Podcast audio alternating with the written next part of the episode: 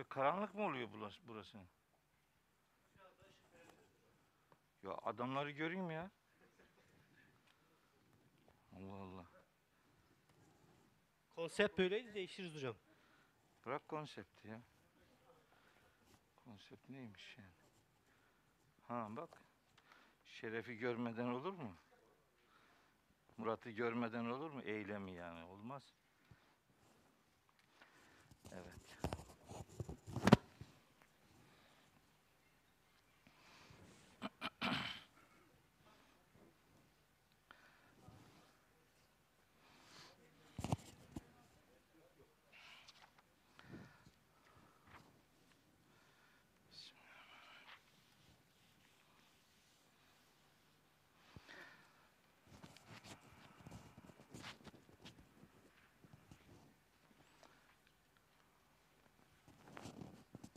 Başlıyor mu? Fatih, Fatih, Fatih.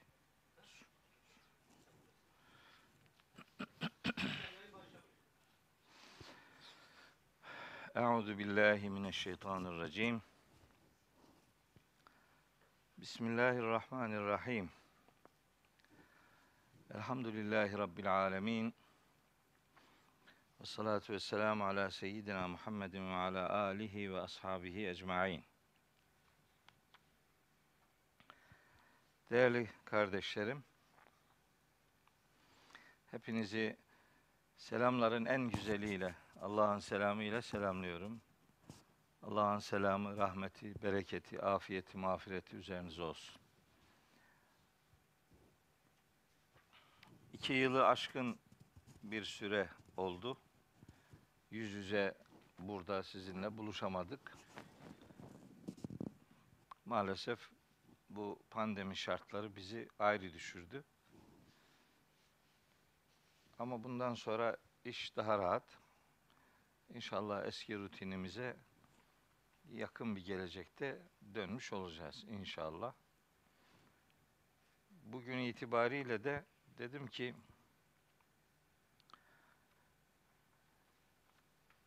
şartları icabında zorlayalım. Bir şey olmaz tedbirlerimizi epey oranda aldık. Ben şahsen çok çok dikkat ettim. Biraz belki abarttım. Ama hasta olmadım. Adam diyor ki biz olduk geçirdik filan. Tamam ben olmadım yani. Dolayısıyla tedbir almanın faydalı olduğunu bizatihi yaşadım.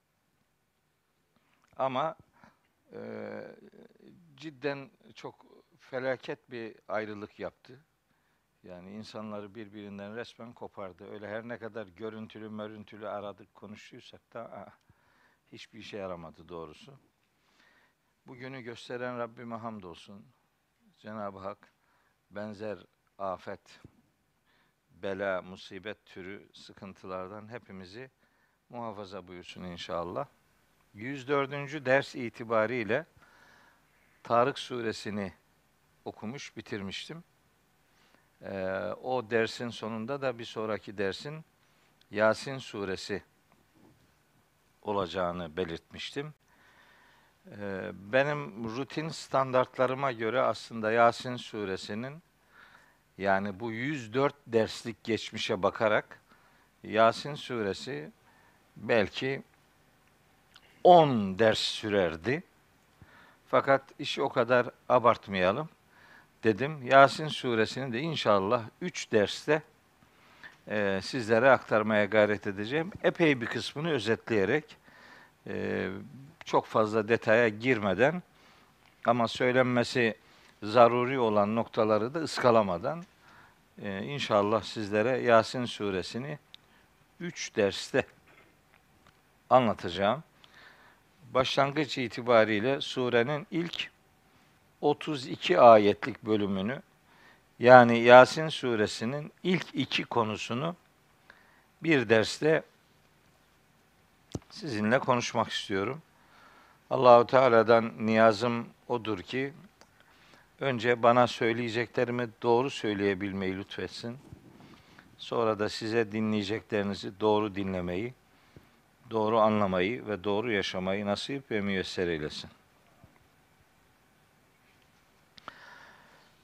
Kıymetli kardeşlerim,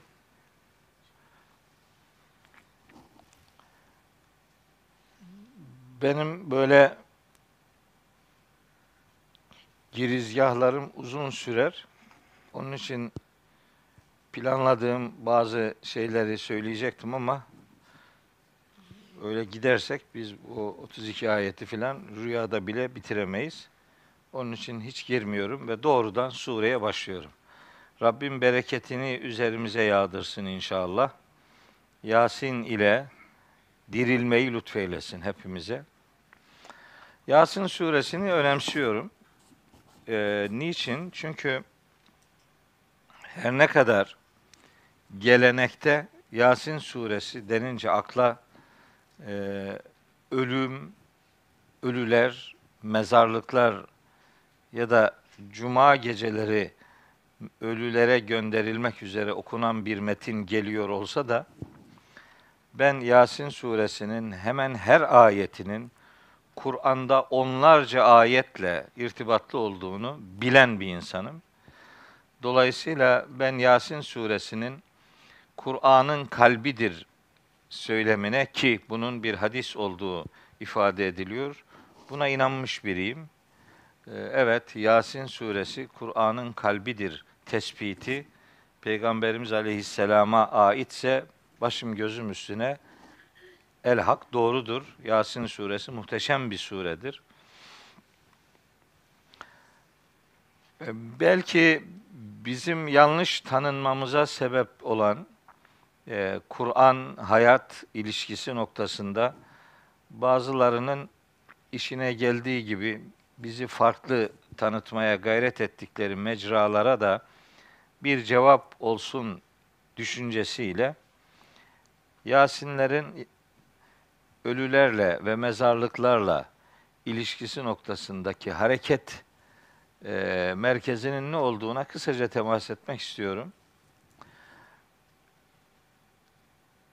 Birkaç rivayet var Yasin'le alakalı. Birkaç rivayet. Bu rivayetlerden biri şöyle bir metne sahip. İkra'u ala mevtakum Yasin veya ikra'uha inde mevtakum. Onu ölülerinize okuyun. Ölülerinizin yanında Kur'an okuyun anlamında iki rivayet var. Ayrıca şöyle bir rivayet daha var. Ma min meyyitin yuqra'u aleyhi Yasin illa hevvenallahu aleyhi. Yani hiçbir ölü yoktur ki ona Yasin okunsun da Allah onun işini kolaylaştırmış olmasın. Böyle bir rivayet daha var. Başka rivayetler de var ama iki üç tanesini söyledim. Mecalimi e, çok zorlamak istemiyorum. O, o hadislerin metinlerini de biliyorum ezbere. Ama sözü uzatmama adına daha fazla tekrarlamak istemiyorum. Peki ne diyor o rivayetlerde aslında Peygamberimiz ne demek istiyor? Şimdi bizde şöyle bir e, hastalık var. Nedir?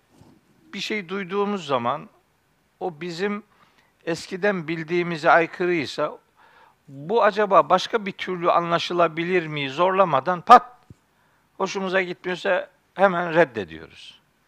Ya belki bunun başka bir anlaşılma ihtimali var da başka bir taraftan bakılabilir filan. Yok. Böyle toptan alanlar ve toptan atanlar diye ikiye ayrıldı bu ümmet. Ya toptan her Arapça duyduğu şeyi Kur'an zannedip alıyor insanlar ya da içinde bir takım uydurmalar var diye hepsini elinin tersiyle itiyor. Ben onlardan değilim, ikisinden de değilim. İkisinden de değilim, bunu defalarca söyledim. Ben anlamaya çalışan ve Kur'an'ın hakemliğine müracaattan yana bir yol tutturmaya çalışan bir insanım. Peki o rivayetleri nasıl anlıyoruz? Bir grup demiş ki, bak Peygamberimiz Yasin'in ölülere okunacağını söylüyor. Dolayısıyla Yasin ölülere okunur. Bunu diyene diyorum ki peki Peygamberimiz herhangi bir ölünün yanına hani ölmeden önce veya öldükten sonra veya işte mezarına giderek Yasin okumuş mu mesela? Böyle bir rivayet var mı dedi. Yok. Peki o zaman peygamberimiz kendi yapmadığını niye başkalarına söylüyor? Demek ki bu senin anladığın gibi değil yani. Başka bir şey var. Öbür grupta diyor ki yani ölülere okunmaz dolayısıyla bunlar uydurmadır. Bu iki bakışında yanlış olduğunu düşünüyorum. Bunun yerine ben rivayeti anlamaya çalışıyorum. Nasıl anlamaya çalışıyorum? Ne yapıyorum? Bakıyorum bu rivayette hangi kelimeler geçmiş, hangi kelimeler var? Okuduğum üç tane hadisin üçünde de okuma ile ilgili kelime kıraat kelimesi. İkra'uha. Yukra'u. Kıraat yani. Peki kıraat ne demek? Kıraat benim defalarca, onlarca kez anlattığım üzere kıraat anlayarak okumak demektir. Okuyanın anlaması, okunanın da anlaması yani. Bu kıraat denen eylemde bir anlama, anlaşılma e, ortak paydası vardır yani. Anlamadan okuyorsan buna kıraat denmez. Onun adına kısmen tilavet denilir. Onun da Türkçesi seslendirmek demektir. Peygamberimiz bunu o kelimeyi özellikle kullanarak aslında Yasin'in anlaşılmasına işaret ediyor. Ya da işaret etmek, dikkat çekmek istiyor diye düşünüyorum.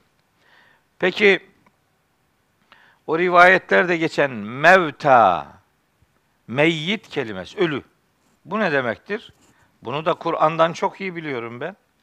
Kur'an'dan çok iyi biliyorum ki ölü, ölüm kelimesi sadece insan bedeninden ruhun çıkmasından ibaret değildir.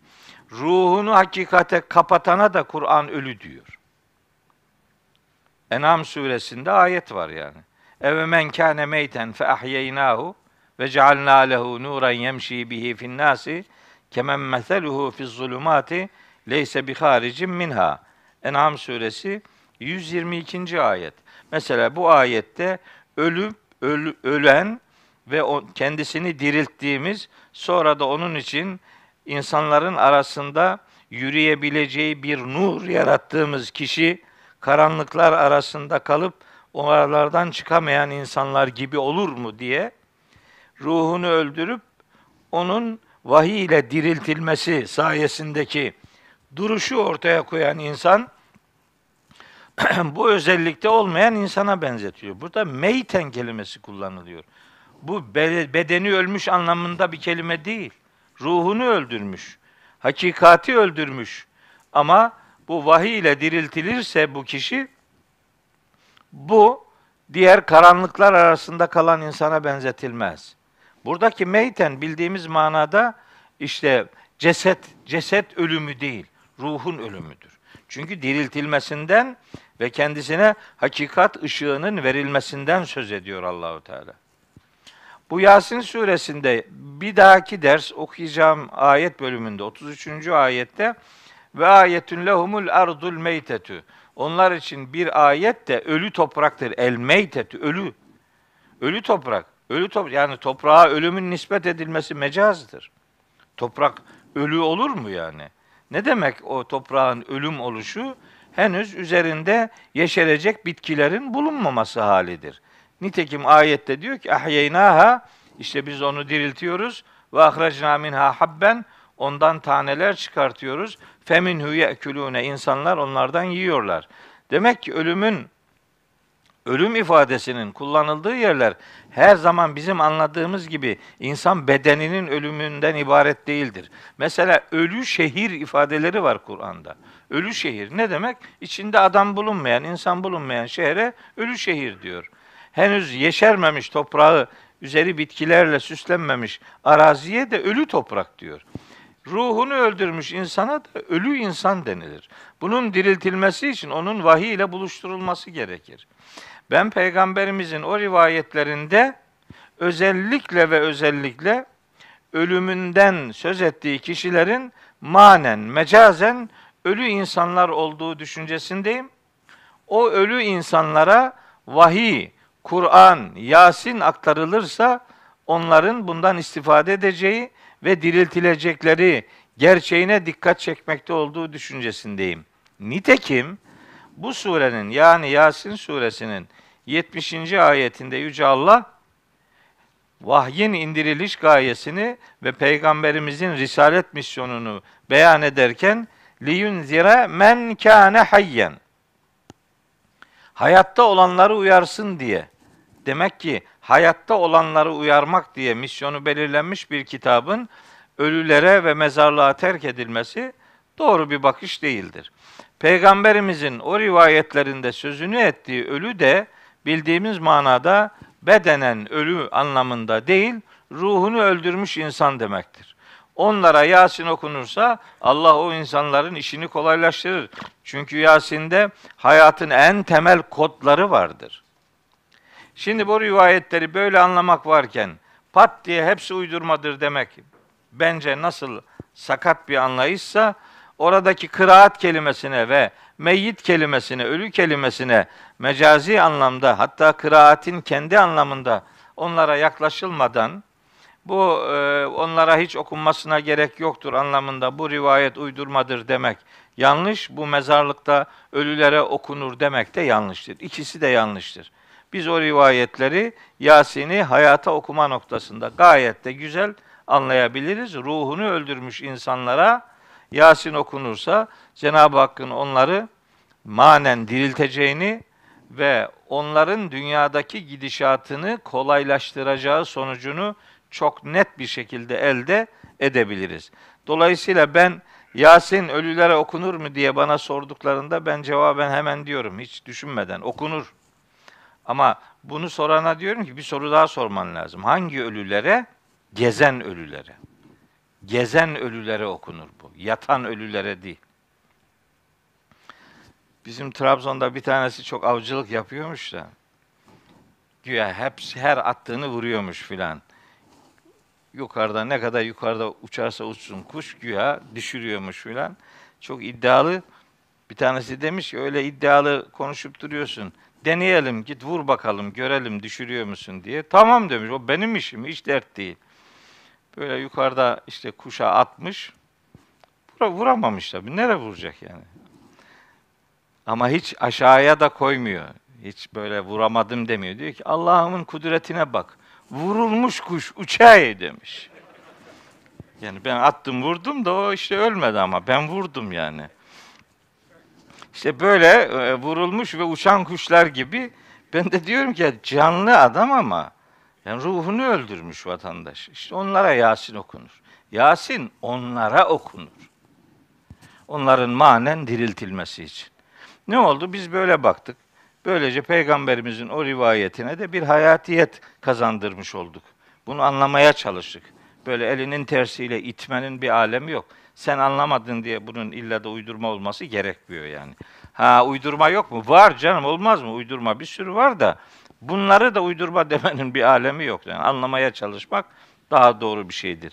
İşte ben Yasin'i anlayarak okumak gerektiğini ve ruhunu öldürenlere bu Yasin'in mesajının diriltili bir misyon olduğunu, çünkü Yasin'in 70. ayetinin Kur'an'ın indiriliş gayesini ve peygamberimizin risaletle görevlendirilmesi gerekçesini hayatta olanları uyarmak diye belirlediği için o rivayetleri bu ayetler ışığında ve rivayetlerde kullanılan kelimeleri de anlayabileceğimiz şekilde yorumladığımız zaman herhangi bir sıkıntının olmadığını bu vesileyle sizlere ifade etmiş olayım. Evet. Şimdi rutin her zaman yaptığım gibi böyle sure genel tanıtımları yapıyordum. Biraz hızlı bir şekilde bunlara dair sözümü söyleyip geçeyim. Surenin iniş sırasının 39 olduğu düşüncesindeyim. Resmi sıralamadaki yeri 36. suredir. Ayet sayısı 83'tür. İniş yeri Mekke'dir.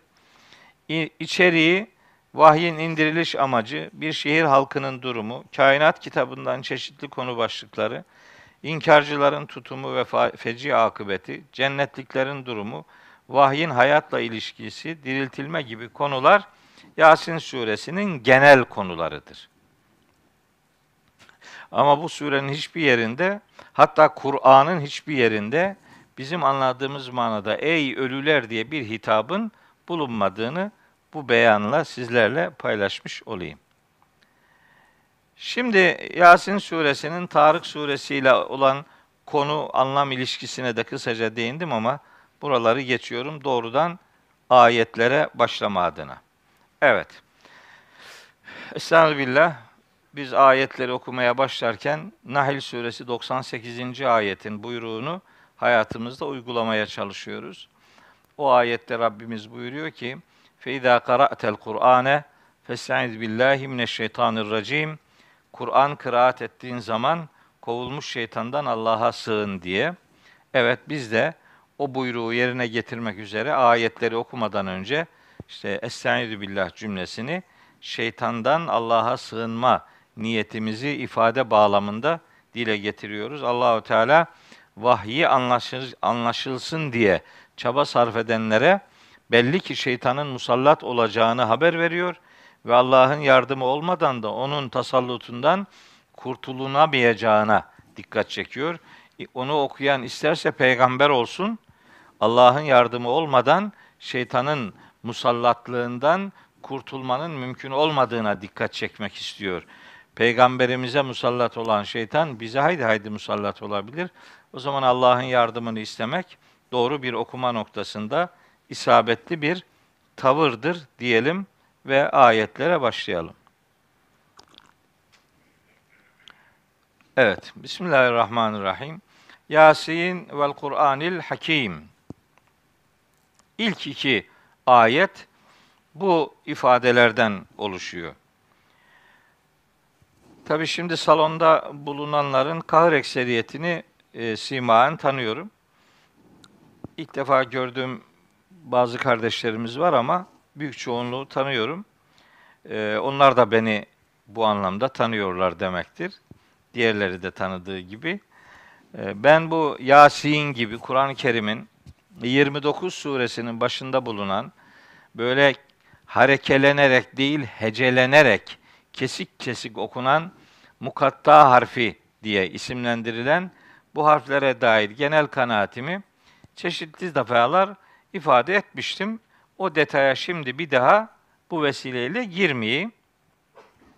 Ama kısaca acaba bunlar ne anlama geliyor olabilire kısaca temas edeyim. Hepsi üzerinden değil, Yasin özelinden birkaç söz söyleyeyim. Bu söyleyeceğim düşünceler bana ait ya da benim bulduğum düşünceler değiller. Onu peşinen ifade edeyim. Bunlar eski alimlerin dile getirdiği görüşlerden bir kısmını e, hatırlatmak üzere not aldım. Söylenenler benim şimdi aktaracaklarımdan ibaret de değildir. Onu da söyleyeyim. Hem bir taraftan bu harflerin manasını Allah'tan başka kimse bilmez. Bunlar müteşabihtir deyip bu konuda konuşulmaz derler. Hem de sayfalar dolusu bilgi verirler. Dolayısıyla ben de bunların manası bilinmez sözüne itibar etmiyorum. O ortaya koydukları görüşlere daha çok sadakat gösteriyorum. Çünkü çok hoşuma giden cümleler gördüm, görüyorum. Onun için anlaşılmaz deyip e, bir kenara itilmektense üzerinde kafa yorulmasının çok daha doğru olduğuna inananlardanım. Peki ne demişler? Demişler ki Yasin Peygamberimiz Aleyhisselam'ın Muhammed, Ahmet, Müzzemmil, Müddessir, Taha, Abdullah gibi isimlerinden biri de Yasin'dir. Yani bu Yasin Hazreti Peygamber'in isimlerinden biridir. Taha onun ismi olarak kabul edildiği gibi. Zaten Muhammed kelimesi Kur'an'da var, Ahmet kelimesi Kur'an'da var, Taha var, Müzzemmil var, Müddessir var, Abdullah var. Hepsi Kur'an'da var bunların. Bunlar Kur'an'da olduğu gibi o kelimeler nasıl ki Hazreti Peygamber'in isimlerindense bu Yasin de o isimlerden biridir. Bir görüş bu. İkinci görüş İbn Abbas'tan geliyor. İbn Abbas diyor ki Yasin Tay veya Habeş dilinde ey insan demektir. Dolayısıyla Yasin hitabı aslında ey insan diyerek önce tabii ki peygamberimizi sonrasında da bütün insanlığı içeren bir hitap olarak düşünülebilir. Yasin'in anlamı yoktur demektense ona böyle yaklaşmak daha doğrudur. Zemahşeri demiş ki Yasin Üneysin kelimesinin böyle ismi tasgir dediğimiz böyle e, tevazu, küçültme anlamındaki bir kalıbın kısaltılmış halidir. Üneysi'nin kısaltılmışı Yasin diye düşünülebilir. Bu bir alemin görüşü. İbn Abbas'a nispet edilen bir başka görüşe göre Yasin'de ya harfi ey anlamına gelen bir nida edatıdır. Ya demek Arapçada ey. Ey Türkçede de kullanıyoruz. Ey filanca gibi. Sin harfi de insan kelimesinin kısaltılmışı olarak kabul edilebilir. Yani Yasin ey insan anlamına gelen bir e, kullanımdır diye İbn Abbas kaynaklı bir düşünce daha devrede kabul edilebiliyor. Yasin Yüce Allah'ın veya Kur'an'ın isimlerinden biridir diyen alimler de olmuş. Yasin. Peki başka sözler de var da o diğer sözlere girmiyorum. Benim için bu görüşlerin hangisi en doğrudur yahut da bu görüşlerin dışında hani acaba e, yani içimizi ısıtacak başka yaklaşımlar da olabilir mi? Tabii ki olabilir. Mesela ben bu mukatta harflerinin her biri hangi surenin başında hangi harf varsa o harfin o surenin içindeki konunun sembolü olduğunu düşünürüm. Yani ya harfi bir konuyu özetler, sin harfi başka bir konuyu özetler. Hatta bu harfler hangi surelerin başlarında varsa bilinmelidir ki o surelerde önceki peygamberlerden biri birkaçı o surede ele alınır. O harfler o peygamberlerin sembolüdür. Onların tebliğ ettikleri mesajların sembolü olarak düşünülebilir. Burada da zaten ikinci konu bir darbu mesel üzerinden yürütülüyor ki bu yaklaşım en azından bu sure için son derece doğrudur. Özet, sembol anlatımlar. Bu her dilde vardır. Mesela işte diyelim ki diyelim ki yani T, C harflerini yan yana görseniz yani bu Türkiye Cumhuriyeti'dir. Herkes bilir bunu. Ama öyle ayrıntılı bir ifade yok. Harf. Harf yazıyor, insan anlıyor bunun ne olduğunu. Değil mi? TR harflerini yan yana görürseniz bunun Türkiye olduğunu herkes anlıyor. Ya da Trabzon tabi. O TR'nin Trabzon boyutu da var onu söyleyeyim. Yani mesela 61'i gördüğünüz zaman herkes bunun bir rakam olduğunu, bir sayı olduğunu bilir ama mesela bir Trabzonlu 61'i gördüğünde bundan maksat Trabzon'dur der yani. 34 olunca İstanbul diyor mesela. 41 olunca bizim Zeynep'in memleketi Kocaeli olduğunu herkes anlar yani. Değil mi? PTT harfleri gördüğünüz zaman kimse bu ne diyor, bu ne demektir sormuyor. Herkes bunun posta, telgraf, telefon olduğunu biliyor. Dolayısıyla yani harflerin sembollüğünde anlatımlar vardır. E bu anlatımlar insanların gündelik dillerinde varsa bu Kur'an'da da o gün itibariyle vardır. Bunda garipsenecek bir şey yok yani. Hatta İbn Abbas kaynaklı bir düşünce daha var. O kadar çok hoşuma gidiyor ki. Ee, hani güya bunlarla ilgili detay vermeyecektim ama kurtaramıyorum kendimi ya. Yani inanın ki yani durup da bir öbürüne geçemiyorum. Ama bakın ne kadar güzel bir şey söyleyeceğim şimdi. İbn Abbas diyor ki bu harflerle ilgili. Mesela elif, lam, ra'yı alın. Elif, lam, ra. Yanına bir hamim koyun. Bunlar Kur'an'daki mukatta harfleri. Hamim'in yanına da bir nun ekleyin. Şimdi yazma imkanı yok, onun için yazamıyorum. Bu elif, lam, ra, hamim ve nun üçlüsünü yan yana getirdiğiniz zaman karşınıza Er-Rahmanu kelimesi çıkar. Yani harfleri bir araya getiriyorsunuz Cenab-ı Hakk'ın bir sıfatıyla, bir ismiyle karşılaşabiliyorsunuz. Dolayısıyla bunların manası yoktur. İşte bunların manasını Allah kendisine saklamıştır. Bunlar birer şifredir filan yok kardeşim böyle bir şifre mi? Bu şifre kitabı değil. Bu, bu, bu şifre kitabı değil. Bunu anlamaya çalışırsan anlarsın. Bu harflere yemin edildiği görüşü de son derece yaygın bir görüştür. Harflere yemin. Harfe yemin kelimeye yemindir. Kelimeye yemin cümleye yemindir. Cümleye yemin ayete, ayete yemin sureye, sureye yemin bütün Kur'an'a, Kur'an'a yemin Allahu Teala'nın ilim sıfatına yemindir. Allahu Teala bu harflere yemin ediyor da olabilir. Dolayısıyla bunların manası yoktur, bilinemez üzerinden kapıyı kapatmanın çok da bir anlamı yoktur düşüncesindeyim. Evet, geçiyorum ikinci ayete. Estağfirullah. Vel Kur'anil Hakim. Ya harfine, sin harfine yemin olsun. O, o manayı tercih edelim. İkinci ayet. Vel Kur'anil Hakimi. Hikmetlerle dolu, doğru hükümler içeren Kur'an'a yemin olsun. Tabi işte bu ayet mesela bizim üzerinde saatlerce konuşmamız gereken bir konuyu işaret eder ki o da Kur'an'da yeminler konusudur. Kur'an'da yeminler niye vardır, nasıl vardır, yeminler e, hangi tür konuları içerir, Rabbimizin bu yeminlerini nasıl anlamak lazım, çeşitlilikleri nelerdir vesaire. Devasa bir konu var yani. Ama ben oraya da girmiyorum. Kur'an'a Allahü Teala yemin ediyor. Şu kadarını söyleyeyim. Kur'an'daki yeminler her neye yönelik yapılmışsa Kur'an'daki yeminler her neye ise bilinmelidir ki yemin edilen şeyler insanların şahitleri kılınacaktır. Yani Rabbimiz Kur'an'a yemin ediyorsa söylemek istenen şudur. Kur'an şahidiniz olacak haberiniz olsun. Yani güneşe yemin olsun demek güneş şahidiniz olacak demektir. Aya yemin olsun demek ay şahidiniz olacak. Gece gündüz şahidiniz olacak. Hiç kimsenin yaptığı yanına kar bırakılmayacaktır anlamında bir bilinç inşası amaçlanan ifade güzellikleri arasında yer alır.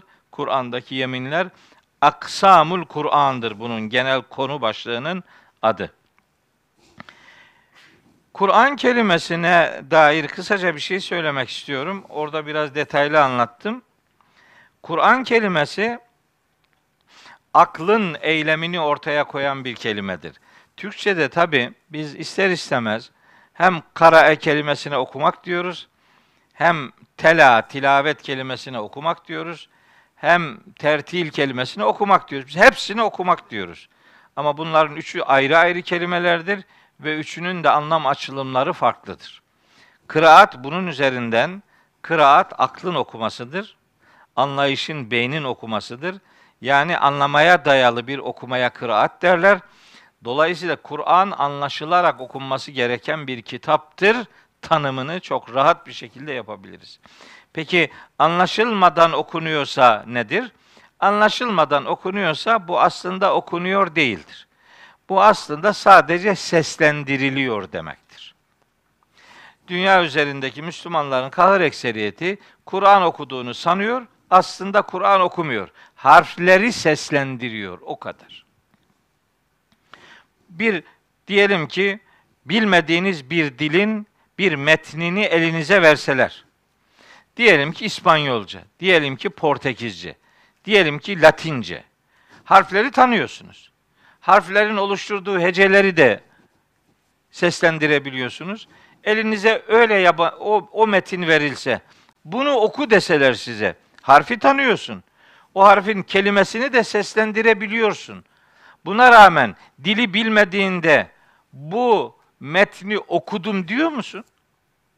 Alıyorsun diyorsun ki ben bunu okuyamam diyorsun. Niye? Çünkü bu dili bilmiyorum ben diyorsun.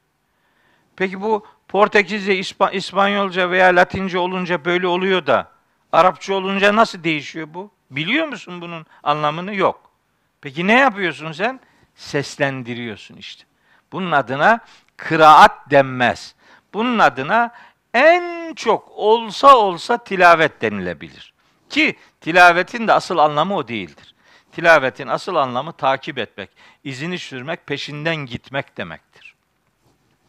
Kur'an'ı tilavet etmek demek, Kur'an'ın izini sürmek demektir.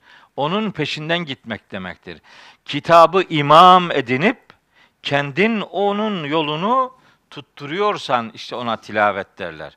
Ay güneşi tilavet eder diyor Şems suresinde. Ayın güneşi tilavet etmesi, ayın güneşi okuması değildir. Ayın güneşin e, etrafında dünya ile beraber o yörüngeyi takip etmesi demektir. Aslında tilavet tek başına Kur'an'ın yörüngesinden ayrılmamak demektir. Kur'an'ın izini sürmek demektir. Kur'an'ın peşinden gitmek demektir. Tilavet esasında tilavet esasında ay güneşten ışık aldığı gibi ışığını, nurunu Kur'an'dan almak demektir. Tilavet o demektir yani. Işığını Kur'an'dan alıp önce aydınlanmak sonra da yansıtarak başkalarının aydınlanmasını sağlamaktır. Tilavet bile budur. Ama bizim yaptığımız inanın tilavet bile değildir.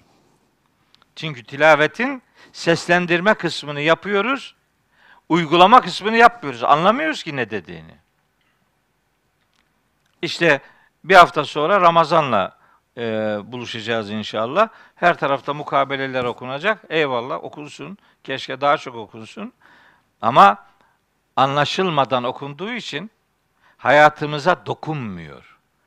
Kur'an okumak, Kur'an'ın hayata dokunması için olmalıdır. İlginç bir şekilde Kur'an'la diyalogumuzu olabildiğince kenarda tutuyoruz yani. Seslendirmek. Dilin ses telleri titreşiminden ibaret bir iletişime indirgiyoruz. Bu yetmez. Bunu anlayarak okumaya dönüştürelim deyince de bu defa diyor ki bak bak diyor Kur'an okunmasına karşı. Seninki okumak değil kardeşim. Sen okuduğunu zannediyorsun. Okumuyorsun. Seslendiriyorsun. Hepsi bundan ibarettir. Bir de yarışmalar düzenlenmesin mi? Ya Kur'an'ı güzel okuma yarışması. Ah ne güzel. Kur'an'ı güzel yaşama yarışması var mı? Kur'an'ı anlama yarışması var mı? Bana ondan söz et. Güzel Kur'an okumaya. Adamın sesi güzel. Ne yapalım? Bizimki değil. Ne yapalım yani şimdi? Bunu yarışmaya konu etmenin ne alemi var yani? Nefesi ne kadar uzun? Ne yapalım? Adamın ciğeri kuvvetli. Bizimki tutmuyor. Ne yapalım yani? Makamı bileceksin. İşte bilmem ne makamına göre başladı. Filanca makama göre gitti. Ondan sonra şöyle bir makamla da bitirdi. Bu mu şimdi? Sahabiler böyle bir şey yaptı mı peygamberimiz? Kur'an okuma yarışması duydunuz mu yani İslam tarihinde böyle bir şey? Bu Kur'anlı olmuyor, Kur'ansız da olmuyor çabasıdır bu. Hani Kur'an'a böyle bir misyon. Bak Kur'an bizim hayatımızda var. Nerede var? Nerede var? Asıl oyuncu değil. Merkezi bir karakter değil. Aksesuar muamelesi yapıyorsun. İşte hepsi bu. Kusura bakma yani. Her gün 500 Kur'an okuyan bir adam olarak söylüyorum bunu ben. Ben her gün 500 Kur'an okurum. Ben haftada bir bütün Kur'an'ı dönerim. Ve 45 yıldır ben böyle yaşıyorum. Ama anlayacaksın da kardeşim ya. Anlamıyorsun ya. Bunu anla demenin neresi yanlış ya? Bunun neresini ne tarafa çekiyorsun yani? Kur'an anlaşılarak okunan kitap demektir. Bu kadar basit. Anlamıyorsan okumuyorsun demektir. Kendini kontrol et yani.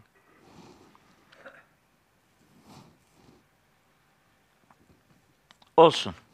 Biz millet yanlış anlasa da, yanlış e, aksettirse de biz bildiğimiz hakikati bizi anlayanlar mutlaka çıkacaktır düşüncesiyle dillendiriyoruz. Bu kadar adam yanlış mı biliyor diyor bir de. Bu kadar adam yanlış biliyor da olabilir. Mekkeli müşrikler de Hazreti Peygamber öyle demişti. Bunun son dinde böyle bir şey duymadık. Ne ortalığı karıştırıyorsun diyorlar. Peygamberimize ortalığı karıştıran adam diyorlardı. Niye? Eskiden bildiğimiz şeylere aykırı bir şey söylüyorsun diye. Ya bir sözü kaç kişi söylüyorla ilgilenme. Söz ne diyor ona bak sen yani. Bir de sözün kime benziyor onu kontrol et. Müşrik ağzı kullanmanın bir alemi yok yani. Evet. Hikmetlerle dolu Kur'an'a yemin olsun ki, işte bu yeminlerden sonraki cümleler çok önemlidir. Rabbimiz şöyle buyuruyor Peygamberimiz Aleyhisselam'a hitaben. İnneke leminel murselin ala sıratın müstakim. Muhakkak ki sen elçilerdensin, dost doğru bir yol üzerinde. Bu ifadenin iki tür tercümesi var. Çok detaya girmiyorum, olabildiğince hızlı gideyim diye. İnne keleminel murselin. Sen muhakkak ki elçilerdensin, gönderilmişlerdensin. Yani peygamberlerdensin. Bu ayrı bir cümle. Ala sıratın müstakim. Yani dördüncü ayet ayrı bir cümle olarak düşünülür ve sen elçilerdensin ve yine sen dost doğru yol üzerindesin. Bu tercüme doğrudur. Yani o ala sıratın müstakimin başında gizli bir ve inneke var kabul edilir. Ve yine sen muhakkak ki dost doğru yol üzerindesin. İkinci ihtimale göre inneke leminel murselin sen gönderilmiş elçilerdensin ki ellezinehum o elçilerin hepsi ala sıratın müstakim dost doğru bir yol üzerindedir. Hepsi de dost doğru bir yol üzerinde olan elçilerden biri de sensin mesajı bu ayette veriliyor. Bütün peygamberler sırat-ı müstakim üzere miydi? Evet. En'am suresi 87. ayet bu konuda çok net bir e, mesaja sahiptir. Dileyen not alıp ayete gidip bakabilir. Evet.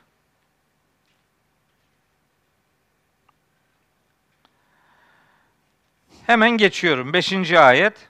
Tenzilel azizir rahim. Nasıl hızlı geçeceğiz şimdi bunu?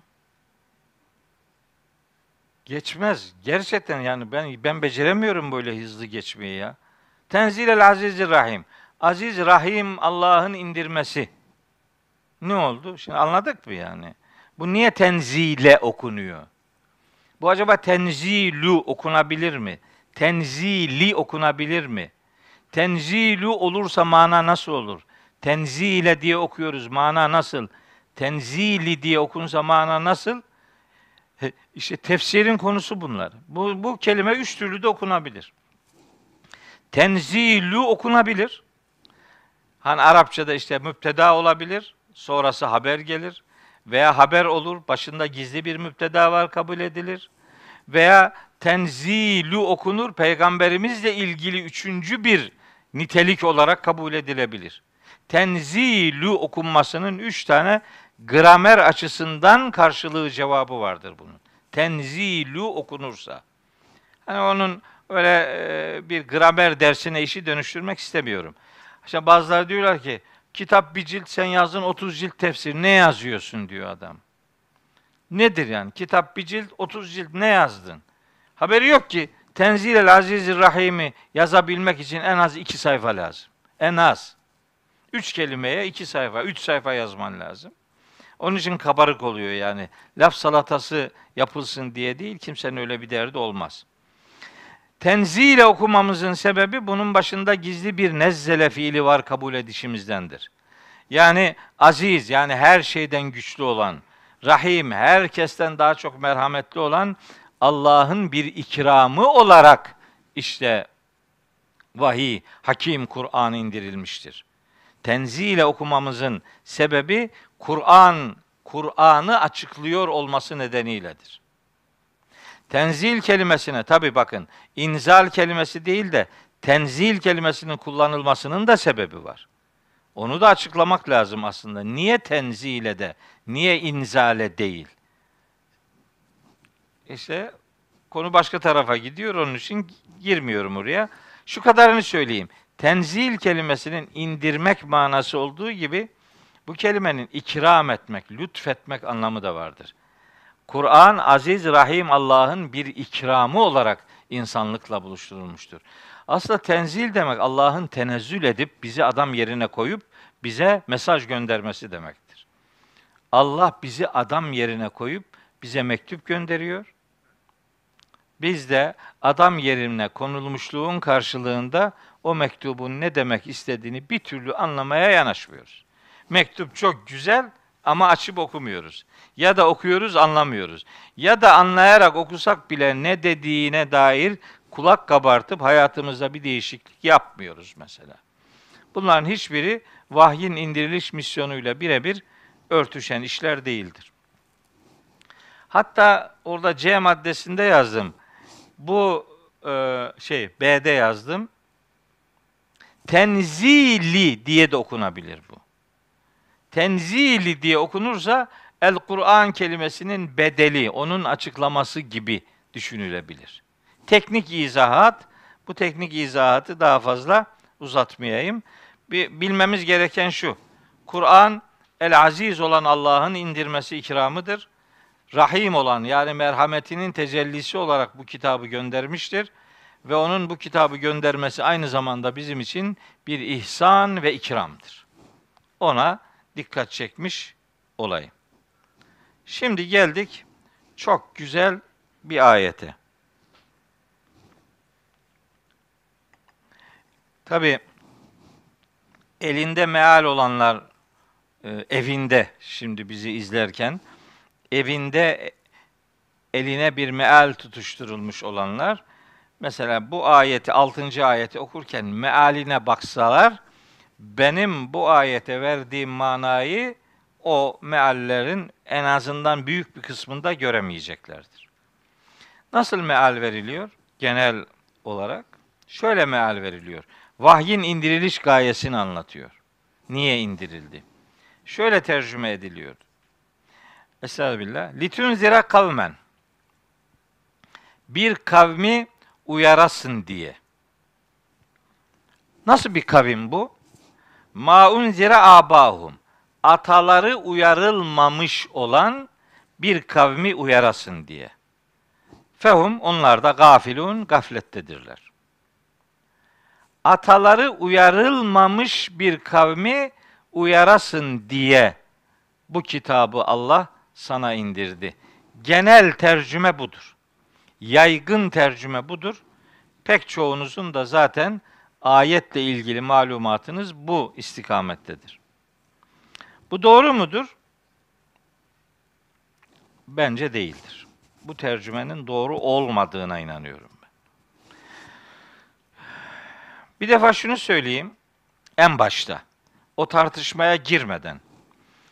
Litunzera kavmen bu ayete bakarak Kur'an'ın indiriliş gayesi ataları uyarılmamış bir toplumu uyarmaktan ibarettir. Bu kitabın risalet noktasındaki tebliğ alanı bir kavimle sınırlıdır denemez. Niye? Bir ayete bakarak Kur'an bu konuda şöyle diyor diye hüküm verilemez. Kur'an'ın bir konuda ne dediğine hüküm noktasında eğer bakacaksanız o konuda bütün dediklerini bilmeniz lazım.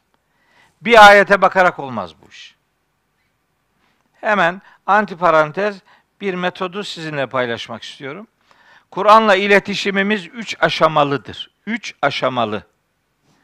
Bir, Kur'an'la konuşmak aşaması. Bu her Müslümanın görevidir. Her Müslüman Kur'an'la konuşmak zorundadır. Bunun cinsiyeti, yaşı, meşguliyeti, mezhebi, meşrebi ayrımı yok. Herkes Kur'an'la konuşmalıdır. Yani onu anlayarak okumalıdır. Birinci aşama bu. İkinci aşama Kur'an'dan konuşma aşaması. Kur'an'dan konuşma. Kur'an'dan konuşabilmek için de onun ne dediğine dair belli kilometreleri kat etmek lazım. Yani hayatta bir olayla karşılaştığınız zaman o olayda Kur'an şöyle diyor diyebilmek için bazı ayetlere gönderme yapmanız lazım. Pek çok defa Kur'an meali okursanız hayat meşguliyetlerinizin epeyce bir kısmının karşılığının ayetlerde olduğunu görürsünüz. Böylece siz olayla ayeti buluşturarak Kur'an'ı hayatınıza taşımış olursunuz. Bu ikinci aşamadır ve Kur'an'dan konuşma aşamasıdır. Bu ikinci aşama. Bunu kim yapar? Bunu yoğun bir Kur'an mesaisi sürdürenler yapar. Ömründe bir defa Kur'an okumamış adam Kur'an'dan konuşamaz zaten. Ondan sonra bak, bakarsınız gider ki işte Kur'an'da şöyle bir ayet olması lazım. Olması lazım. Bir de bana diyor bunu. Ben de diyorum nerede? Yani olması lazım hocam diyor. Yok ama. Yok. Kusura bakma yani. Allah seni dikkate alarak o ay öyle bir ayet indirmemiş yani. Yok. Kur'an'la irtibatını dedikoduya, kulaktan dolma işlere terk ediyor ya. Bu yakışıyor mu Müslümana? Bari Kur'an'da var böyle bir şey deme ya. Başka bir şey de. İkinci aşama Kur'an'dan konuşma aşamasıdır. Üçüncü aşama ise Kur'an adına konuşma aşaması. Kur'an adına. Yani bu konuda Kur'an şöyle diyor diyecekseniz eğer bu kitabın inceliklerini, mantığını, maksadını, her şeyini bileceksiniz. En basitinden söylüyorum. Bunun dilini bileceksiniz. Bu ayetlerin iniş yerini bileceksiniz. Mekke'de mi indi, Medine'de mi indi? Bu ayetlerin arkasını önünü bileceksiniz. Bağlamda ne var? Bu ayetlerin ilişkili olduğu diğer ayetleri bileceksiniz. Çünkü artık siz siz adına değil, Kur'an adına konuşacaksınız. Kur'an adına konuşmak için Kur'anlaşmış bir ömür yaşamanız gerekir. Bu ideal olandır. Bunu yapabilmek için ömrünüzü Kur'an'a vakfetmeniz gerekir. Öyle ara sıra meal okumayla falan olmaz bu iş. Şimdi bu ben bir ayet gördüm. Hazreti Peygamber bir kavme gönderildi. Evet doğru. Öyle bir ayet var. İşte bu. Altıncı ayet. Ama başka ayetler de var. Diğerlerinden haberin yok senin. Kur'an adına konuşacaksan hepsini bileceksin. Hepsini bilmeden olmaz. Bakın ben oraya bir altı maddelik şey çıkardım. E, liste. Kur'an'da peygamberimizin risalet alanı ile ilgili bilgiler. Mesela şu Ara suresi 214. ayette yakın akrabanı uyar diye bir ifade var. Şimdi sadece o ayete bakarak peygamberimiz sadece Kureyş'ten işte e, kendi akrabasını uyarmak için indirildi, görevlendirildi. Evet bu ayet var. Ama o konuda başka ayetler de var. Bu diyelim ki halkanın suya bir şey attığınız zaman halkalar oluşur böyle peş peşe peş peşe. Değil mi? Birinci halka bu, yakın akraba. İkinci halka, ikinci halka kavmi. İşte Yasin 6. ayet. Üçüncü halka Mekke ve civarı. İki tane ayet var. En'am 92, Şura 7. Litunzira ümmel kura ve men havleha. Ümmül kura şehirlerin anası demek Mekke ve men havleha ve çevresi demek. Bak bu da var. iki ayette var. Dört, ümmiler ve ondan sonra gelenler. O da Mekkeliler ve onların devam edecek olan nesilleri. Cuma suresi 2 ve 3. ayette bu geçiyor. 5.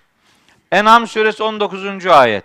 Ve uhiye ileyye hazel Kur'anu li unzirakum bihi ve men bela. Bu Kur'an bana vahyedildi ki onunla sizi ve kime ulaşabiliyorsa onları uyar, uyarmam için. Bak ne oldu? Gelişti, genişledi.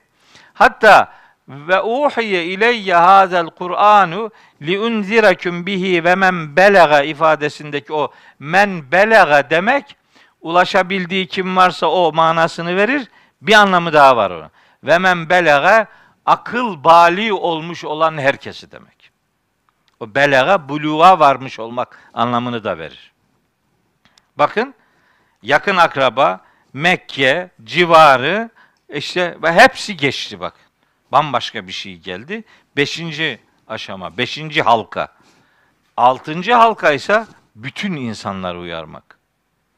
İşte Nisa 79, Araf 157-158, İbrahim 1, Enbiya 107, Sebe 28, Peygamberimizin risalet alanının bütün insanlar olduğunu açıkça ortaya koyuyor.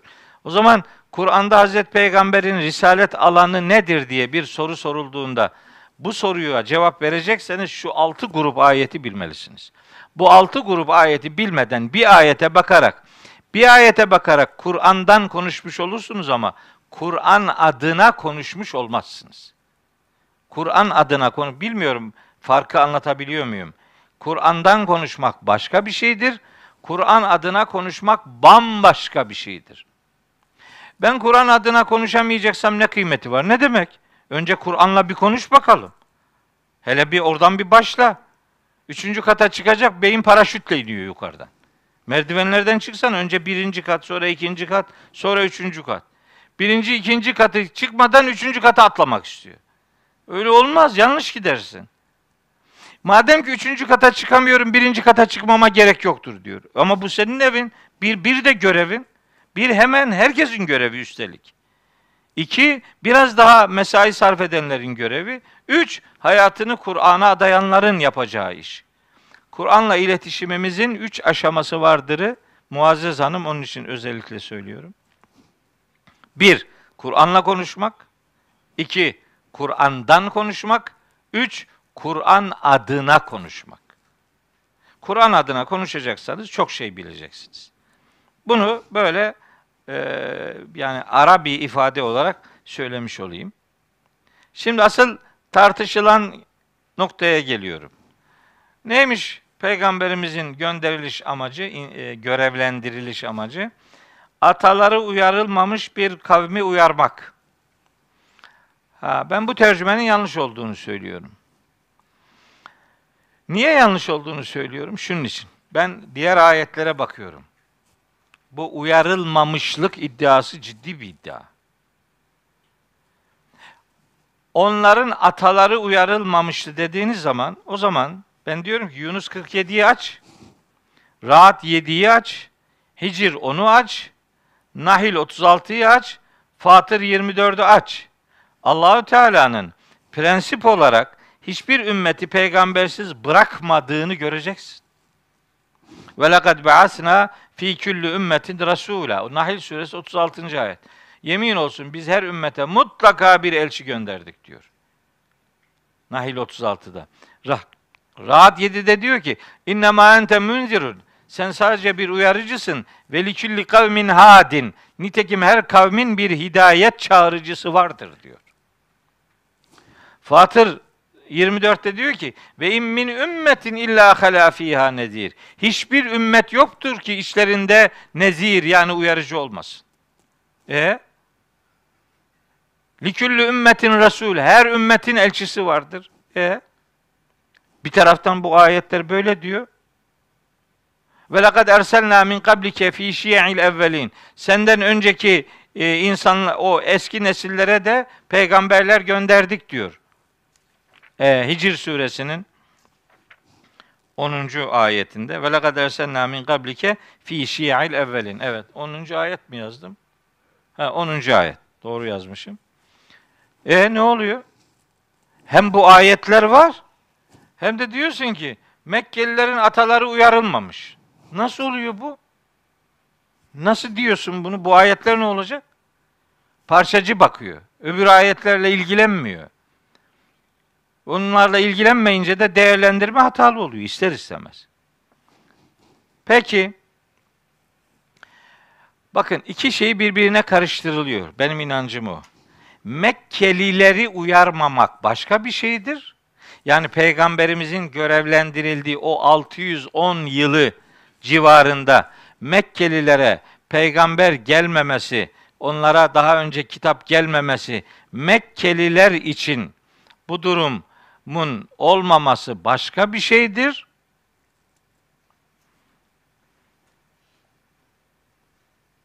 Onu ben de yapabilirdim. Ne o kadar uğraştın ya? Ahmet işaret et adam kilometrelerce yoldan geliyor ya. Yani buna dokununca bunlar çıkıyor, bir daha dokununca gidiyor. Biliyordum bunu. O kadar da cahil değilim. Ya karşı taraf nasıl görüyor? Demek ki öyle görüyor. Bu adam bunu beceremez. Gideyim bunun önünü açayım diye. Allah razı olsun.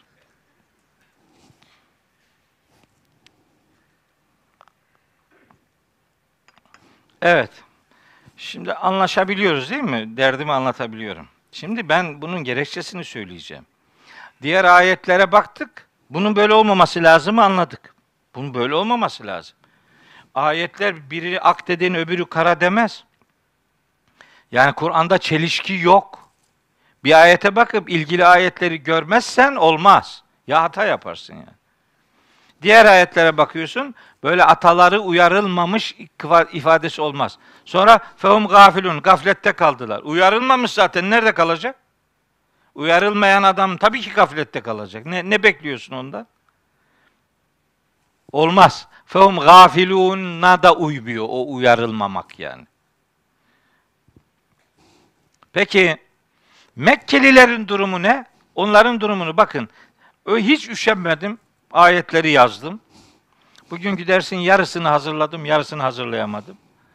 Ee, öbür yarısını o darbu mesel kısmını hızlı gideceğim.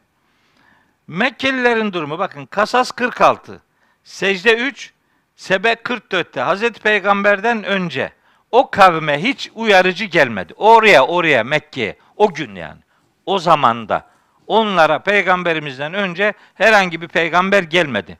onlara gelmedi ama atalarına değil. Onlarla ataları karıştırmanın bir anlamı yok ki. Başka bir şey söylüyor. 2. Sebe 34. Fatır 40'ta kendilerine Kur'an'dan önce herhangi bir kitap gelmedi. Mekkelilere, o günkülere. Kitap gel- gelmedi. Rum 35'e göre onlara herhangi bir delil gelmedi. Sultan gelmedi.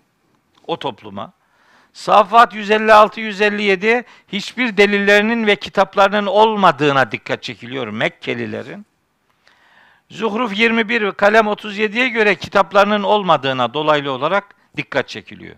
Şimdi bakın. O topluma, o günkü topluma peygamber ve kitap gelmemiş olmasıyla onların atalarına peygamber gelmemiş olması sonucu ikisi aynı şey değildir.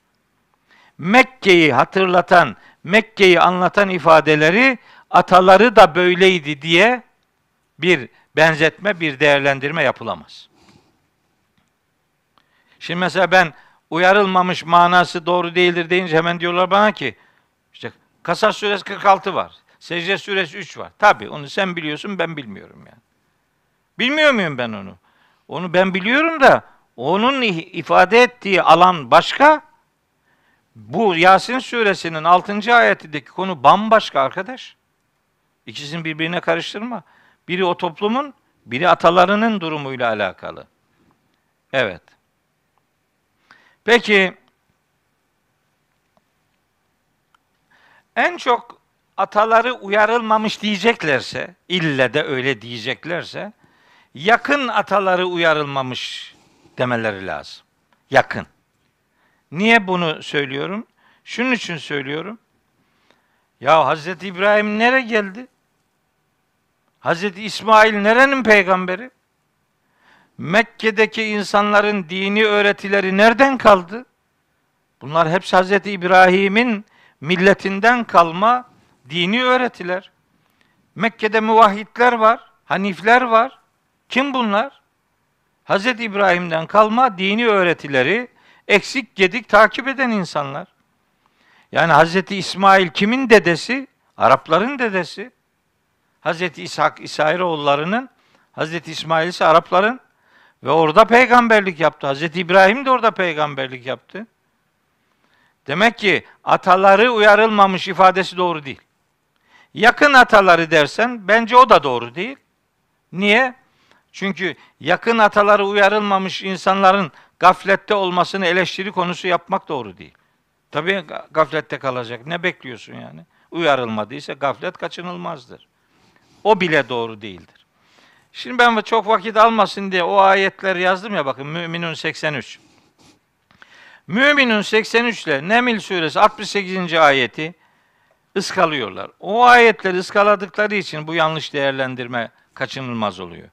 Bakın Mekkeli müşrikler kendileri diyorlar ki لَقَدْ وُعِدْنَا نَحْنُ وَآبَاؤُنَا هَذَا مِنْ قَبْلُ اِنْ هَذَا اِلَّا اَسَاطِيرُ الْاَوَّلِينَ Müminun suresi 83. ayet Nemil suresinin 68. ayeti de çok küçük değişiklikle aynı yani. Çok bir hadanın yeri değişik. Başka bir değişiklik yok. Ne diyor? Diyor ki Allahu Teala Mekkeli müşriklerin sözünü bize aktarıyor. Demişler ki hani peygamberimiz ahirete imanı, diriltilmeyi filan bunları anlatınca adamlar itibar etmiyorlar. İtibar etmemekle kalmıyorlar, alay ediyorlar Alaylarını da şöyle dile getirmişler. لَقَدْ وُعِدْنَا نَحْنُ وَآبَاؤُنَا هَذَا Bize de, atalarımıza da daha önce bunlar vaat edilmişti bu hikayeler. Bize de, bize de, atalarımıza da. Yani bizim haberimiz var bu bu bu bu, bu konulardan. Ama in hada illa esatirul evvelin. Bunlar eskilerin masallarından başka bir şey değil. Bak vaat edilmiş, bak haberleri var. Bak peygamber gelmedi ifadesi doğru değil. Uyarıcı gelmedi ifadesi doğru değil. Açın Müminun suresi 83, Neml suresi 68'e bakın. Açın Necm suresi 36-37'ye bakın. Emlem yunebbe bima fi suhufi Musa ve İbrahim ellezî veffa. Ee, onlara onlara Musa'nın sahifelerindeki bilgiler haberdar onlar Musa'nın sahifelerindeki bilgilerden haberdar edilmediler mi yani diyor Allahu Teala. Ve İbrahim ellezî veffa. O çok vefalı İbrahim'in sahifelerinden haberleri yok mu yani? Var. Niye düşmanlık yapıyorlar? Bize özel kitap gelecek diyor adam hepsi. Müddessir suresinde öyle diyor. Bel yuridu küllü mri'in minhum en yu'ta suhufen müneşşereten. Her biri kendisine özel sahifeler gelsin bekliyor yani. Niye Muhammed'e geldi diye itibar etmiyorlar. Ama haberleri var bu işlerden. Enam 156 157 ya açın okuyun. Ne demek istediğim gün gibi aşikar orada. Uzun ayetler o detaya girmek istemiyorum. Peki. Bütün bunları ifade ettim. Peki ben ne diyorum bunun tercümesinde? Litunzire kavmen ma unzire abam. Şimdi Arapçada edatlar var. Bu edatlar böyle standart anlamlı değildir. Yani her edat her yerde aynı işi görmez. Bağlama bakacaksın, yani arkasına önüne bakacaksın.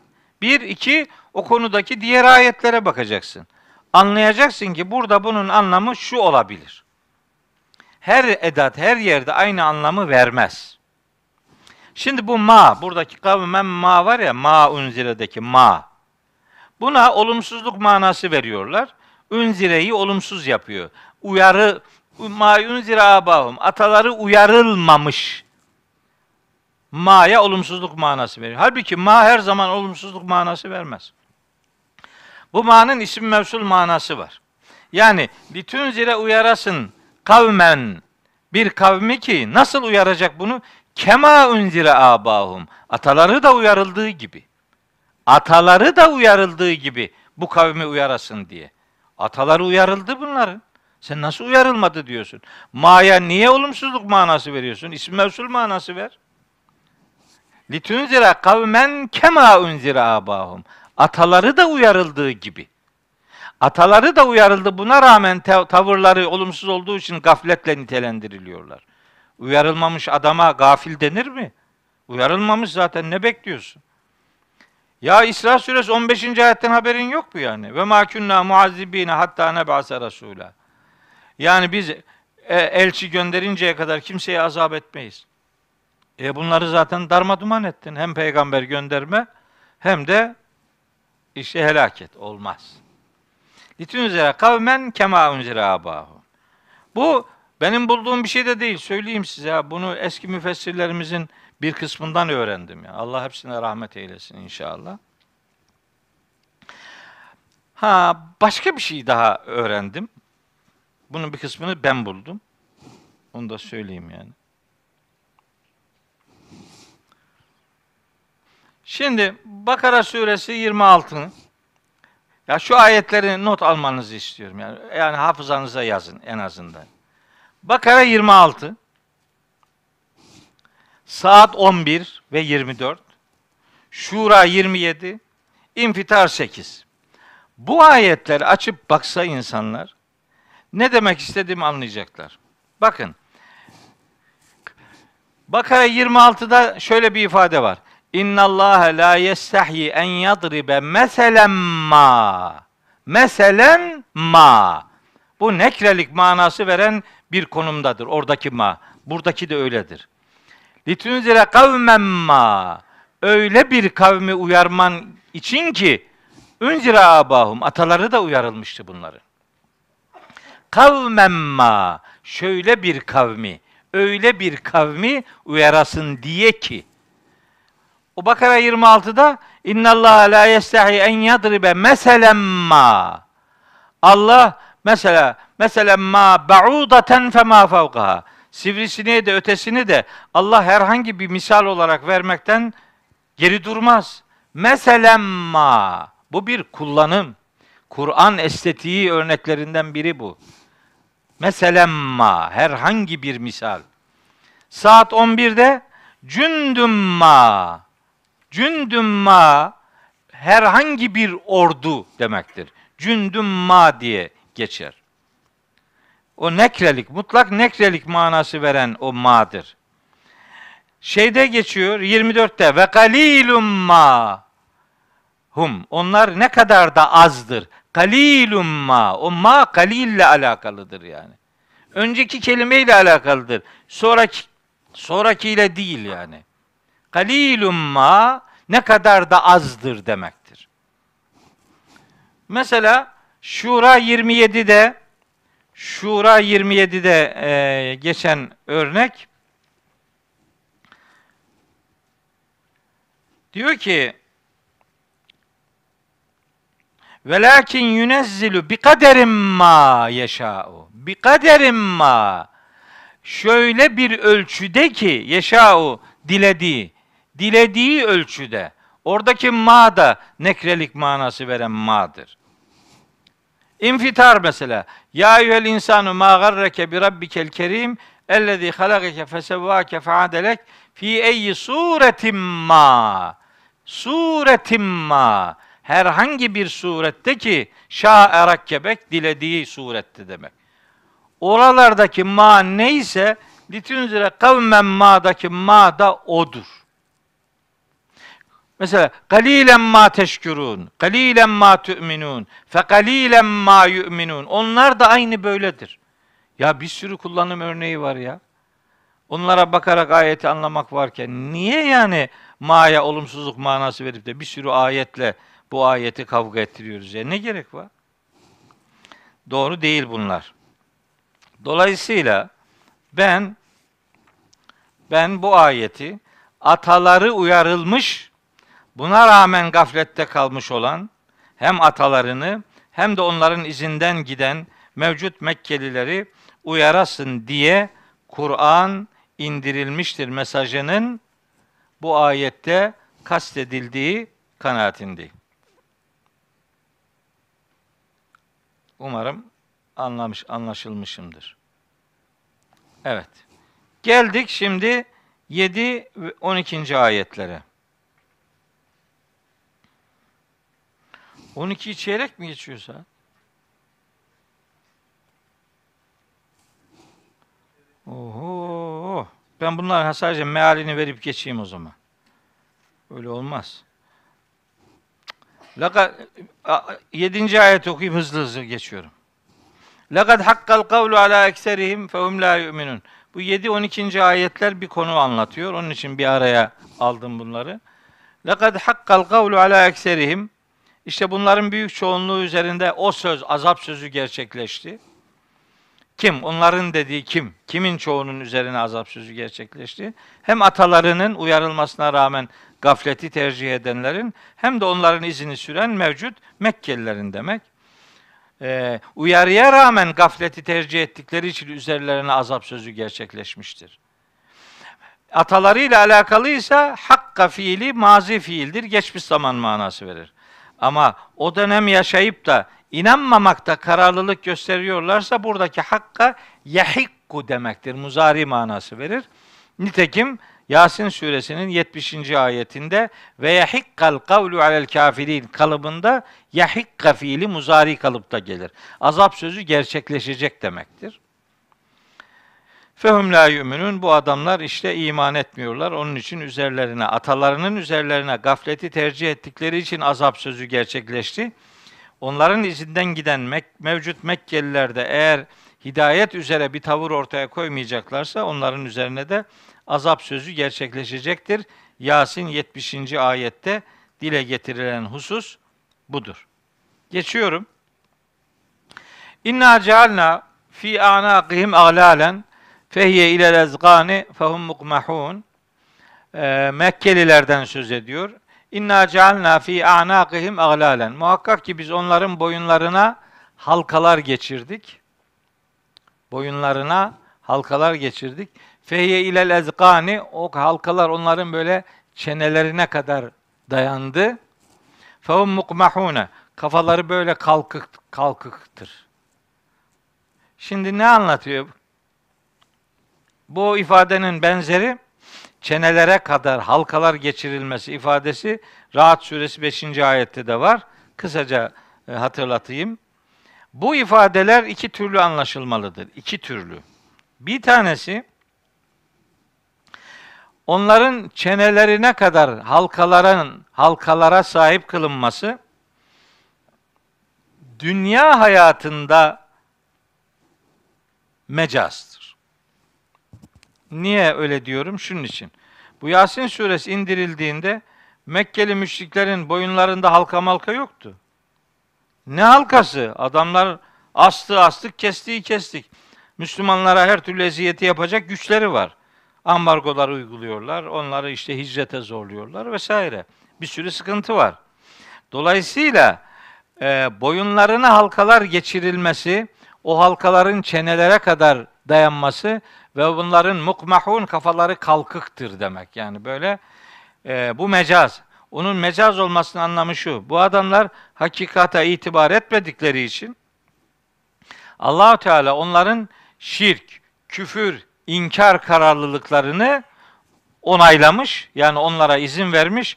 Onlar böyle e, mecazen kendilerini böyle havalı görüyorlar, üstün görüyorlar. Böyle millete tepeden bakıyorlar yani. Bu dünya hayatı için onların durumunu anlatan mecaz bir ifadedir. Bu halkalar ifadesi. Bir ayete gönderme yaptım. Araf 157'de de Peygamberimiz o günkü misyonu itibariyle ve yada'u anhum israhum vel aglalelleti kanet aleyhim diye geçiyor. Onların onlarda bulunan o halkaları kaldırıp atsın diye peygamber görevlendirilmiştir diyor o Araf 157'de. Anlaşılıyor ki buradaki halka dünya hayatı için mecaz mana veriyor yani.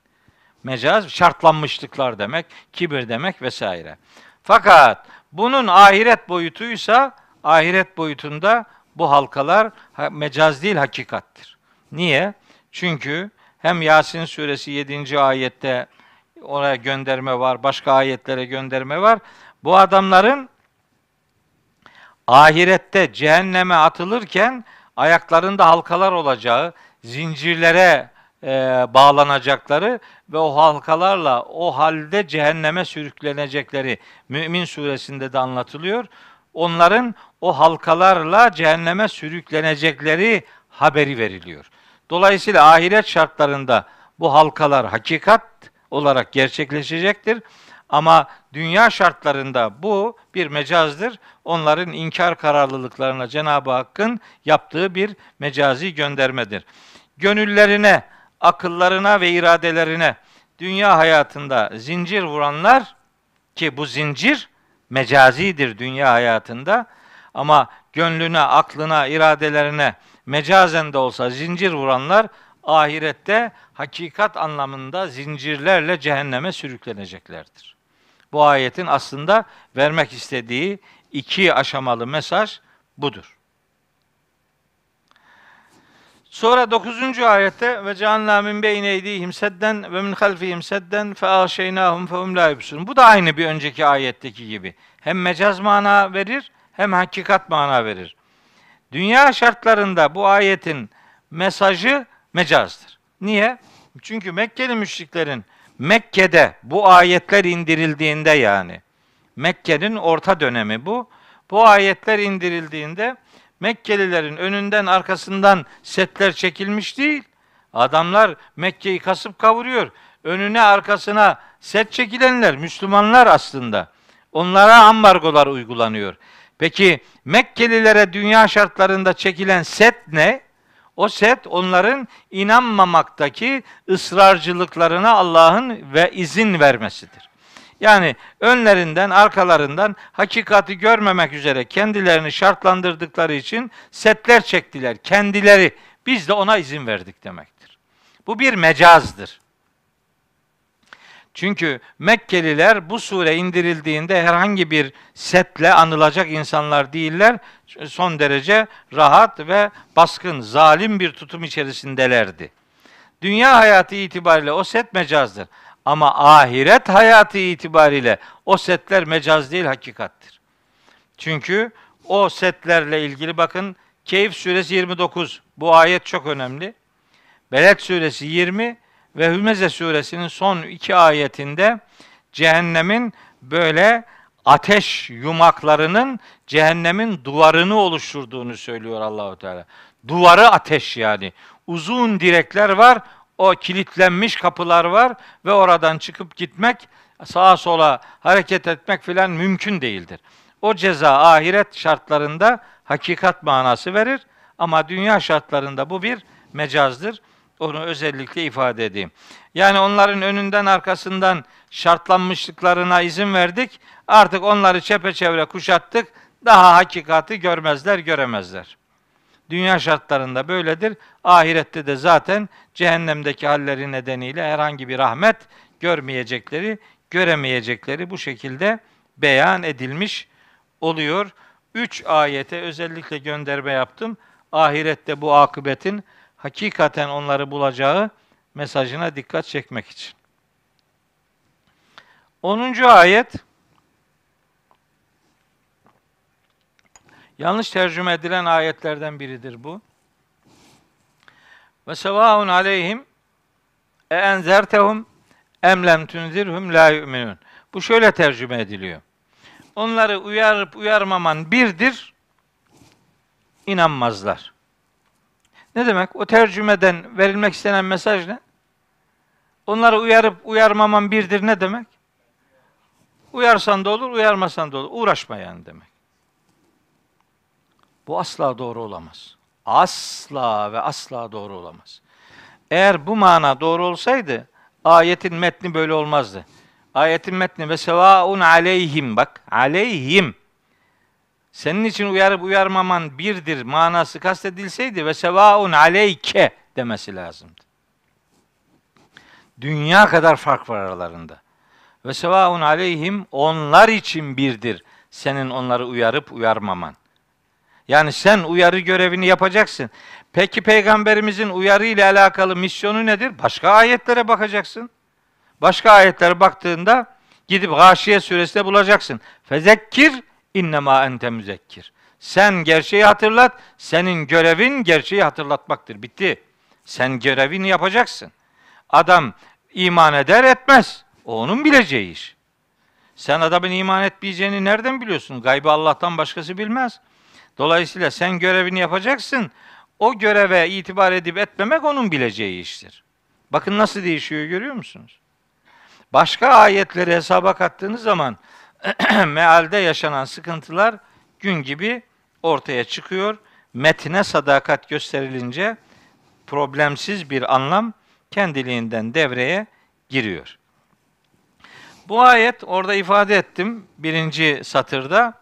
Bu peygamberimize bir moral, bir motivasyon kazandırma amaçlıdır. Niye? Çünkü etrafındakiler inanmayınca peygamberimiz çok morali bozuluyor. İşte Keyif suresi 6. ayet, Şuara suresi 3. ayet, Fatır suresi 8. ayette Rabbimiz onlar inanmıyor diye kendini neredeyse helak edeceksin diyor yani. Sen görevini yap. İnanıp inanmamak onun problemidir, onun sorunudur. Sen yap görevini, başka bir şey yapma. Ve yine aradı, yüz çevirirlerse fema erselnâke aleyhim hafiza. Biz seni onların üzerine jandarma tutmadık. İn aleyke illel bela. Senin görevin sadece tebliğ etmektir. Nerede geçiyor bu ayet? Şura suresi 48. ayette yani. Dolayısıyla etraflı bir şekilde bakılınca maksadın ne olduğu daha net anlaşılabiliyor. 11. ayet İnnemâ tunziru men itteba'a zikre. Bak sen uyarmana devam edeceksin. Sen uyarmana devam et. Çünkü İnnemâ tunziru senin uyarın şunlara yarar sağlayacak. Kime? Senin uyarın şu insanları istikamete getirecektir. Uyarıp uyarmaman birdir, uyarmasan da olur denir mi? O zaman 11. ayet açığa düşüyor. Olmaz. Sen uyar, uyarmana devam et. Çünkü işlerinde men itteba'a zikre, zikre, Kur'an'a tabi olanlar olacak. Sen onlara uyarınla istifade ettireceksin. Ve haşiyer rahmane bil gayb. Gaybtayken, kendi başınayken, yalnızken, kimse yanlarında yokken o Rahman'a derin saygı duyanlar var. Sen onlara uyarıyla yardımcı olacaksın diyor. Senin uyarının onlara faydası olacaktır. Uyarıp uyarmaman birdir, uyarmasan da olur anlamını vermek doğru bir tercüme biçimi değildir. Sen uyarmana devam et. Çünkü zikre tabi olanlar ben bu zikirden maksadın ne olduğunu da ayetleri de dolaşa dolaşa yazdım. Ama o detaya da girmiyorum. Hatta ve haşiyer rahmane bil gayb cümlesinin iki tane anlam ihtimali var gramatik olarak. Onlara da girmiyorum. Ne yapayım? İşte Enbiya, Fatır, Kaf ve Mülk surelerinde de benzer kullanımlar var. Hiç olmazsa o kadarını deyip geçeyim. Febeşşirhu bi mağfiretin ve ecrin kerim. Bu zikre uyan ve Rahman'a derin saygı duyanlara bu insan tipine müjden olsun ki Allah onları bağışlayacak ve onlara çok değerli bir ödül ikram etmiş olacaktır. Diyor. Bununla ilgili de af kapsamında üç tane kavramı acaba anlatabilir miyim diye not aldım. Anlatamam. Af, saf, mağfiret onları artık bakarsınız başka bir yerden. Anlatmıştım onları daha önce de gene de bakabilirsiniz. 12. ayete geçiyorum. Bak nasıl hızlı gidince gidiliyormuş yani. Söylenmesi gerekenin yüzde doksanını söylemezsen çabuk çabuk biter. İşte bitiriyorum. İnna nahnu biziz biz sadece biziz. Nuhyil mevta ölüleri diriltecek olan biziz. Bakın bunun iki tane manası var. Bir tanesi mahşerdeki diriltmeyi Allah'ın yapacağına dairdir. Bu elbet mana ayetin asıl manası budur. Çünkü Mekkeli müşriklerin asıl problemi diriltilme ile alakalıydı. İnanmıyorlardı diriltileceklerine. Allah o inancı sorgulayarak diriltecek olan biziz. Yani bize itibar edin. Ahireti olmayan putlardan korkmanıza gerek yok. Onların ahireti yok. Onların böyle bir gücü yok. Bu güç bizimdir. İnna nahnu vurgulu bir ifadedir. Biziz, biz, sadece biziz, başkası yok demeye getiriyor. Ama buradaki el mevta kelimesine bildiğimiz manada ceseden ölü anlamına gelebileceği gibi dersin başında ifade ettiğim gibi oradaki mevtayı ruhunu öldürenler manasına da alabilirsiniz. Yani siz bu vahyi insanlara aktararak o ölü diri, ölü, ölü kalpleri diriltmek için çaba sarf edin. Siz elinizden geleni yapın. O ölüleri biz diriltiriz. Yani bu vahiy kalbini öldürenlerin kalbini diriltme unsurudur. Buradaki el mevta kelimesine öyle bir mana verebiliriz. Bu ikinci manadır tabii ki. Ve nektubu ma kaddemu ve asarahum. Onların takdim ettiklerini de eserlerini de biz yazıyoruz. Bu ayette insanların amellerinin yazdırılmakta olduğuna dair orada ayetleri yazdım bakın. Bir sürü ayet yazdım B maddesinde. O ayetlerin hepsinde amellerin melekler tarafından kayıt altına alındığına dair bilgiler vardır. Peki insanların takdim ettikleri ve eserleri demek ne demek? Onu da yazdım. Sunulan ve arkada arkada bırakılan eserler, yapılan ve ihmal edilip yapılmayanlar, sadakayı cariye gibi yapılan ve eser olarak hayrı devam eden şeyler şeklinde anlaşılabilir. Takdim edilen şeyler ve eserler ne var ne yok hepsini kayıt altına alıyoruz. Hepsini yazıyoruz. Hiç kimsenin yaptığı boşa gitmez. İyilik anlamında yapılanlar boşa gitmeyeceği gibi kötülük anlamında yapılanlar da asla ve asla yapanının yanına kar bırakılmayacaktır. Ve külle şeyin ahsaynahu fi imamin mübin. Biz her bir şeyi ap açık bir imamda, ap açık bir kayıtta seker teker sayıp dökmüşüzdür. Buna da eski alimlerimiz büyük çoğunlukla buradaki imami mübin tamlamasına levh-i mahfuz manası vermişlerdir.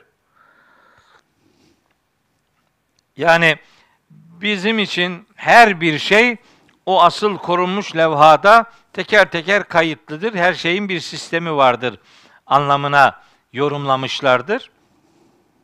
Bu yoruma bir şey demiyorum. Elbette doğru olabilir. Ama ben maksadın levh-i mahfuz değil, amel defterleri olduğu kanaatindeyim. Çünkü zaten hemen öncesinde yapılanların yazıldığını söylüyordu Allahu Teala. İşte o yapılan şeyler yapılması gerekmesine rağmen yapılan ya da yapılmayan, yapılmaması gerekmesine rağmen yapılan ya da yapılmayan ne varsa her şeyin kayıt altına alındığını ve bunların teker teker sayılıp bir kayıt kütükte mevcut hale getirildiği mesajı ayetin sonunda veriliyor, verilmektedir demek durumundayım. Evet. Bu ilk 12 ayetlik pasajda söylemek istediklerim bundan ibarettir.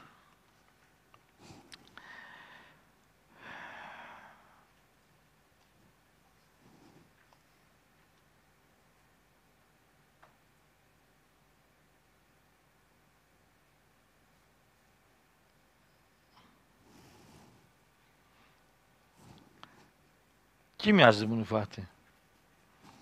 Bu, bu, bu, ya bu yazı senin mi? Hat olarak. Hı. Yazının içine gülücük işaretleri koyuyor. Anlıyor nasıl tepki vereceğimi. Diyor ki burada saat 1'de program var. Sen ne yapacağını iyi bilirsin demeye getiriyor filan.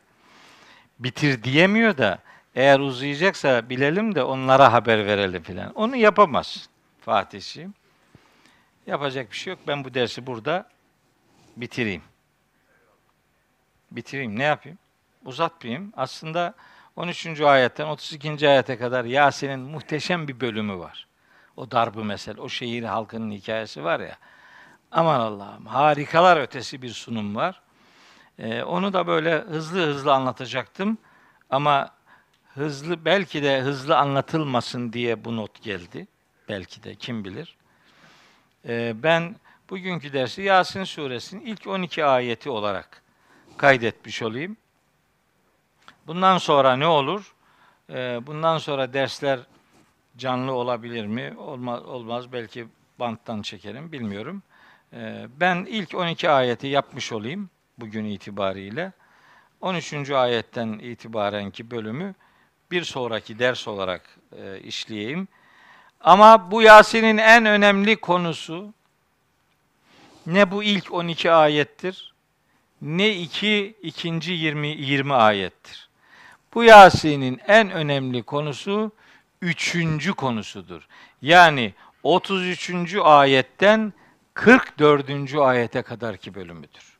Yasin en çok o ayetlerle bizim hayatımızdadır. Ee, o dersi de inşallah başka bir zaman kardeşlerimle paylaşmış olayım. Uzun bir aradan sonra birlikte olduk.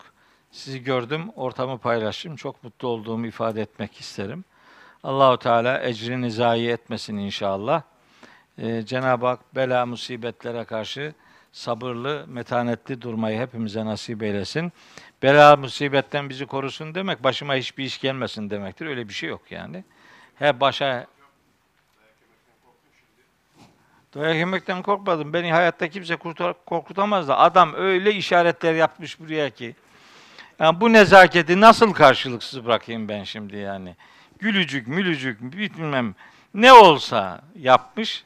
Dolayısıyla bunu karşılıksız bırakmayayım. Mesele sadece bundan ibaret değil. İnanın bu 13. ayetten 32. ayete kadarki bölüm muhteşem bir bölüm. Neler söyleyeceğim onları geçiştirmek istemiyorum. Orayı başka bir dersin konusu olarak işleyeceğimi ifade edeyim. Hepinize muhabbetlerimi arz ediyorum. Allahu Teala ebediyen elinizi ve yüreğinizi bırakmasın. Rabbim dünyanızı, ahiretinizi mamur eylesin. Cenab-ı Hak hepinizden razı olsun. Allah'a emanet olunuz.